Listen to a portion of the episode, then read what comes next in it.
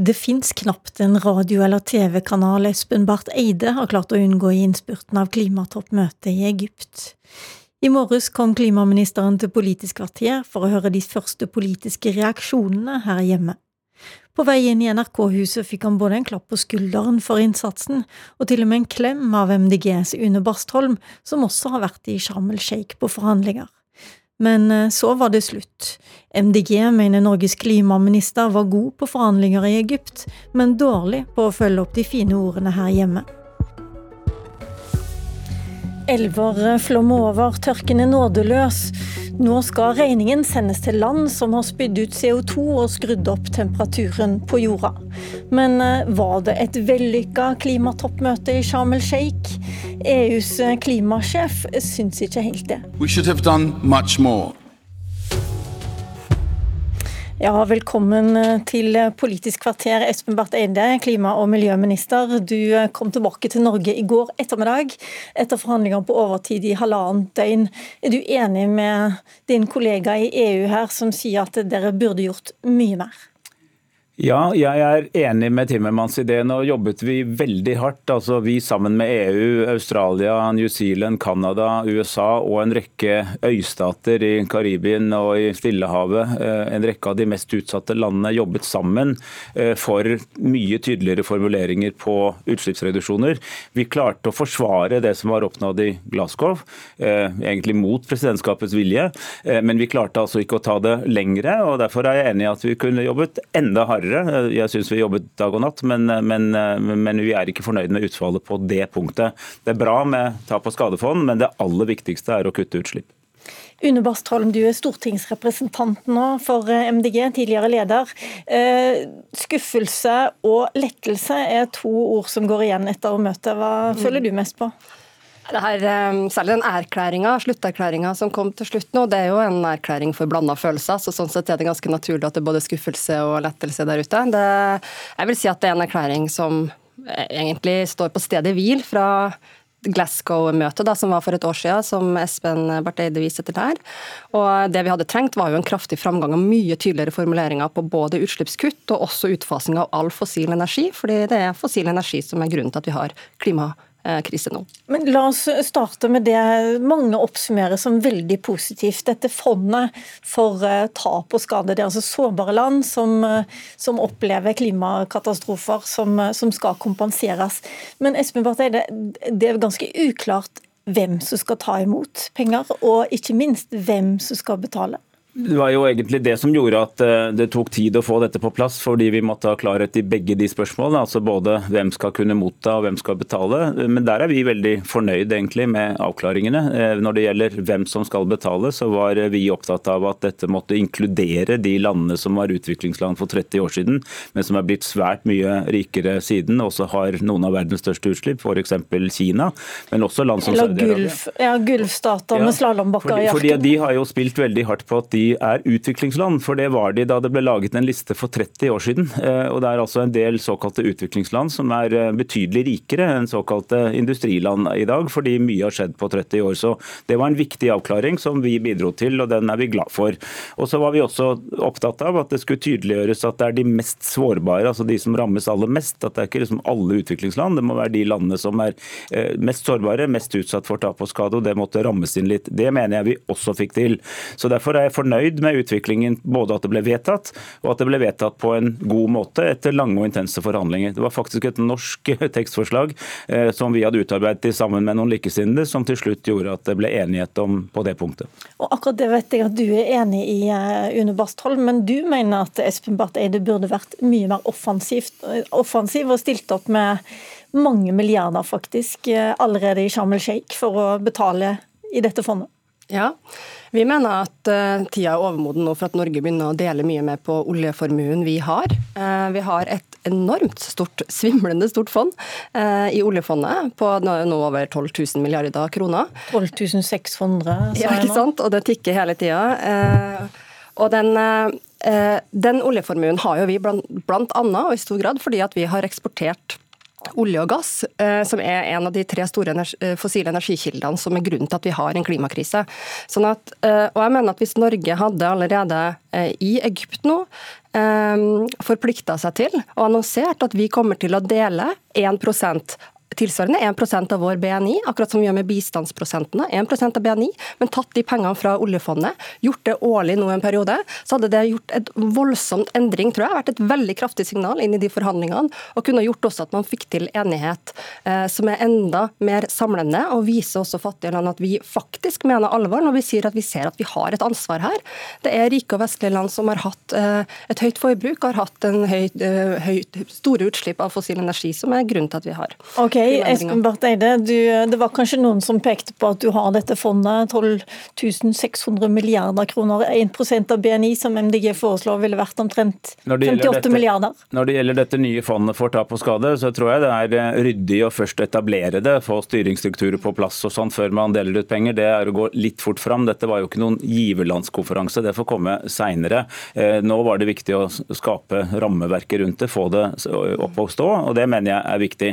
Og så er det det jo slik at eh, Norge allerede har sagt at vi skal doble klimafinansieringen. Den er allerede en av verdens beste, ifølge Carbon Tracker, som sier at Sveits og Norge er de som bidrar aller best i forhold til ressursgrunnlag til klimafinansiering. Men vi skal øke det, og det skal også andre rike land gjøre. For vi skjønner at vi må ta en større del eh, av dette ansvaret, både for klimakutt i andre land, for klimatilpasning og også for tap og skade. Så Det er jo akkurat det vi har jobbet med i Sharm el Sheikh nå i to uker. Så på dette punktet mener jeg egentlig vi bare burde konstatere at vi er glad for at vi har fått fremgang. Men okay, jeg, må altså, må si dette... jeg må bare si at eh, MDG eh, hadde vel ikke hatt så mange milliarder å bruke heller, hvis ikke man hadde tjent nettopp disse pengene på olje og gass? Nei, men Vi har et oljefond nå, og det er jo kloke beslutninger som ble gjort eh, noen gang for ti år siden om å ha et oljefond istedenfor å drive og forbruke all den inntekta og kjøre opp, kjøre opp inflasjonen og, og opphete økonomien. Men vi har det fondet nå, og det skal jo brukes til å, til å gi en tryggere framtid Eh, for oss i Norge, som henger veldig tett sammen med en tryggere planet.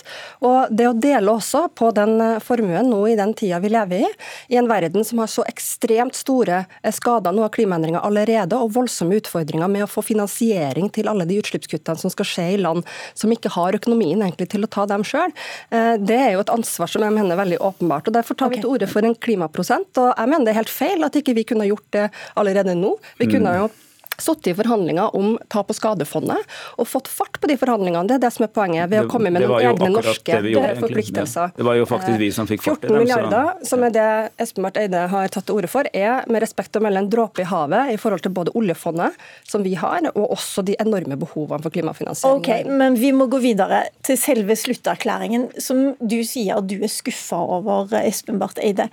Men det dere var glad for, da, det var å beholde 1,5-gradersmålet. At man ikke skal overstige en økning på 1,5 grader i, i um, global oppvarming. Hva er vitsen med å si det når vi allerede vet fra FN at eh, vi går mot 2,5 graders? Det er faktisk oppvarming. utrolig viktig at vi holder fast med 1,5-gradersmålet selv om det er krevende. Eh, og det er bra at det eh, står som en overordnet målsetting, at det ble tydeliggjort her nå at vi er på linje med det vi sa i Glasgow. Men det vi jo ønsket var mer konkret politikk, mer forpliktende politikk for hvordan du faktisk følger opp dette. altså Hvordan får du det til i praksis. Der skjedde det masse bra på dette møtet når det gjelder det som sant, det var initiativer til samarbeid om avkarbonisering av industri, grønn skipsfart, liksom en rekke konkrete ting. Nye måter å lage kunstgjødsel på. Det var veldig mye praktisk samarbeid der. Men vi ville hatt mer av det inn i selve slutterklæringen for å si at dette er ikke bare å snakke om et tall, det er å lage en plan. Og Da må vi fase ut all fossil energibruk som ikke har karbonfangst. Og Det som er helt nytt, er at alle de vestlige oljeproduserende landene er nå enige om det. Altså Vi sa det eh, i fellesskap USA, Canada, Australia, Storbritannia, Norge, flere, at vi er enig i det. Vi som selv fortsatt eh, produserer olje og gass, som jo faktisk brukes i stor grad i verden, mener at energisystemene der ute må omstilles bort fra fossil til fornybar, eller eventuelt da til blå hydrogen og sånne ting. Eh, men det er altså en systemisk endring av alt. Og jeg, jeg ble, fikk veldig mye god tilbakemelding på at nettopp olje- og gassproduserende land sier det, og er ærlige på det. Og, og Og, og Da ble jeg jo kritisert tidligere i sendingen her av Une Bastholm for dobbeltmoral. Jeg lurer på om hun da foretrekker Saudi-Arabias enkeltmoral, for de produserer olje og sier at alle skal bruke den. Men vi mener altså at vi skal eh, være med på en omfattende energitransisjon av verden. og da må både etterspørsel og tilbud ned på sikt. Eh, Bastholm skal få snakke senere. Jeg har lyst til å ta inn deg, jeg, Terje Halleland, som er stortingsrepresentant for Fremskrittspartiet. For dette poenget med at eh, denne slutterklæringen sier altså at eh, kull skal fases ut, og så sier han ingenting om olje og gass. Og Det er egentlig du ganske fornøyd med? Ja, jeg er fornøyd med det. Eh, jeg tror at det er veldig viktig nå at eh, skal vi klare å få ned utslippene, så er det kull vi må konsentrere oss om. Eh, altså I dag blir all energi, 80 av, av all energi produsert av fossilt. Og, og, vi vet at den store utslippskilden her er kull. og Derfor er det veldig viktig at det er den vi konsentrerer oss om. Og så får gass og, og, olje komme i, i, neste rekke. Men hvorfor skal f.eks. India kutte ut kull, da, hvis de ser på land som Norge, som har mye høyere levestandard og lever godt på olje og gass? Og fortsette med det? Ja, nå, nå ser vi at, eh, at, den strategien som er blitt ført i disse klimatoppmøtene i flere år på rad, så, så kommer eh, Vesten, med, med, gjerne EU og, og, Norge i spissen, med nye målsetninger, nye ambisiøse målsetninger om å, å, å kutte utslipp, eh, som òg Vesten har klart. Altså, eh, I-landene har nå klart å redusere sine utslipp. Mens vi ser at u-landene ikke kommer med nye målsetninger, og de ikke klarer å, å redusere sine utslipp. Tvert imot. Altså, de utslippene som, som i-landene klarer å redusere, de er bare en liten brøkdel av det som u-landene øh, øker sine utslipp med. Så Hvis vi skal klare å få dette til, så er vi nødt til å adressere problemet til kull og til disse Kina, til India, til, til Sør-Afrika.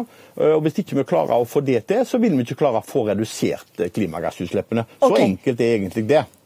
Espen Barth Eide, eh, hvorfor er det i Norges interesse at olje og gass skal fases ut? Det er i hele verdens interesse, og derved også Norges interesse, at vi faser ut bruken av fossil. Det er jo helt riktig som Halleland sier, at vi må, vi må først, i første omgang må vi få vekk kullproduksjonen som går til, til, energi, til kraftproduksjon. Men olje, olje, går til andre ting. Olje går til transport, og det dreier seg om å avkarbonisere transportsystemene. Så det er fullt mulig å gjøre de to tingene samtidig. Det er ikke slik at det må gjøres én etter den andre. Og når det gjelder gass, så kan jo den etter hvert bli utslippsfri gjennom karbonfangst og -lagring, altså såkalt blå hydrogen. Så det, det å være ærlig på helheten i det, som vi altså alle vestlige industriland nå er enige om, og faktisk med oss mange av de landene som er mest berørt av klimakrisen. Og det er der du kaller det dobbeltmoralske, Bastholm? Ja, fordi Hvis man begynner å legge merke til hva regjeringa og Espen Barth Eide sier, så snakker de jo konsekvent som om det man skal sammenligne er det å fortsette med olje- og gassproduksjonen sånn som den er i dag, full fart på alle fronter, eller å slutte helt i morgen. Det siste det er ingen eh, politiske partier som tar til orde for.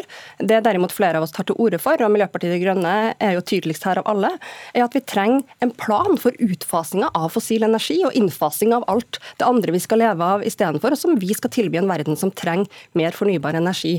Det å legge fram en sånn plan, og la oss si den er over 15 år, eller den kan også være 20 år, ville ha vært veldig mye bedre enn det vi har i dag. Det ville for det første vært et kraftig signal inn til det markedet om at nå eh, kommer en av de tryggeste, jeg vil si den tryggeste leverandøren av olje og gass i verden til å fase ut vår produksjon. Kom igjen, folkens. Eh, nå er det virkelig tida for å omstille, og det ville hatt en voldsom eh, effekt på nettopp etterspørsel. Fordi tilbud og etterspørsel påvirker hverandre, og det bør vi ha lært nå det siste året etter bl.a. Putins energikrig, eh, som jo gjør at Europa har akselerert noe voldsomt eh, sin omstilling til fornybar energi. Ok, Halland, eh, ser du den dobbeltmoralen her? Nei, jeg gjør ikke det. Og jeg, jeg tror det er veldig viktig at uh, vi, kan, vi, kan, vel ha en politikk som bare gjør på at det skal gjøres vondt og vanskelig uh, å, å, drive uh, med, med noe slags næringsutvikling i Norge.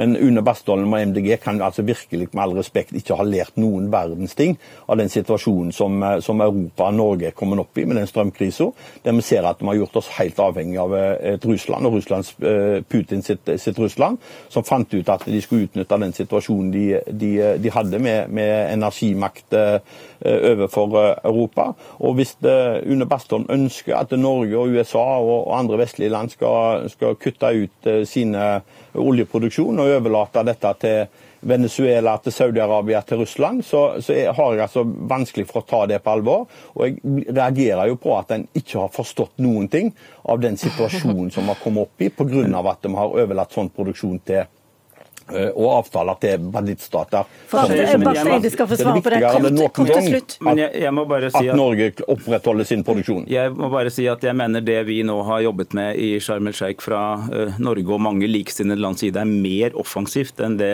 Bastholm og MDG foreslår. For de snakker bare om Norge og norsk produksjon. Vi snakker om en omlegging av energisystemene i verden. og Da må de rike vestlige industrilandene gå i front. og Det ser vi jo f.eks. at EU nå faktisk gjør. Vi eh, rekker ikke mer i dag.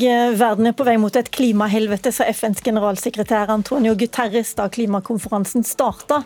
Nå har han moderert seg litt. Our planet is still in the emergency room.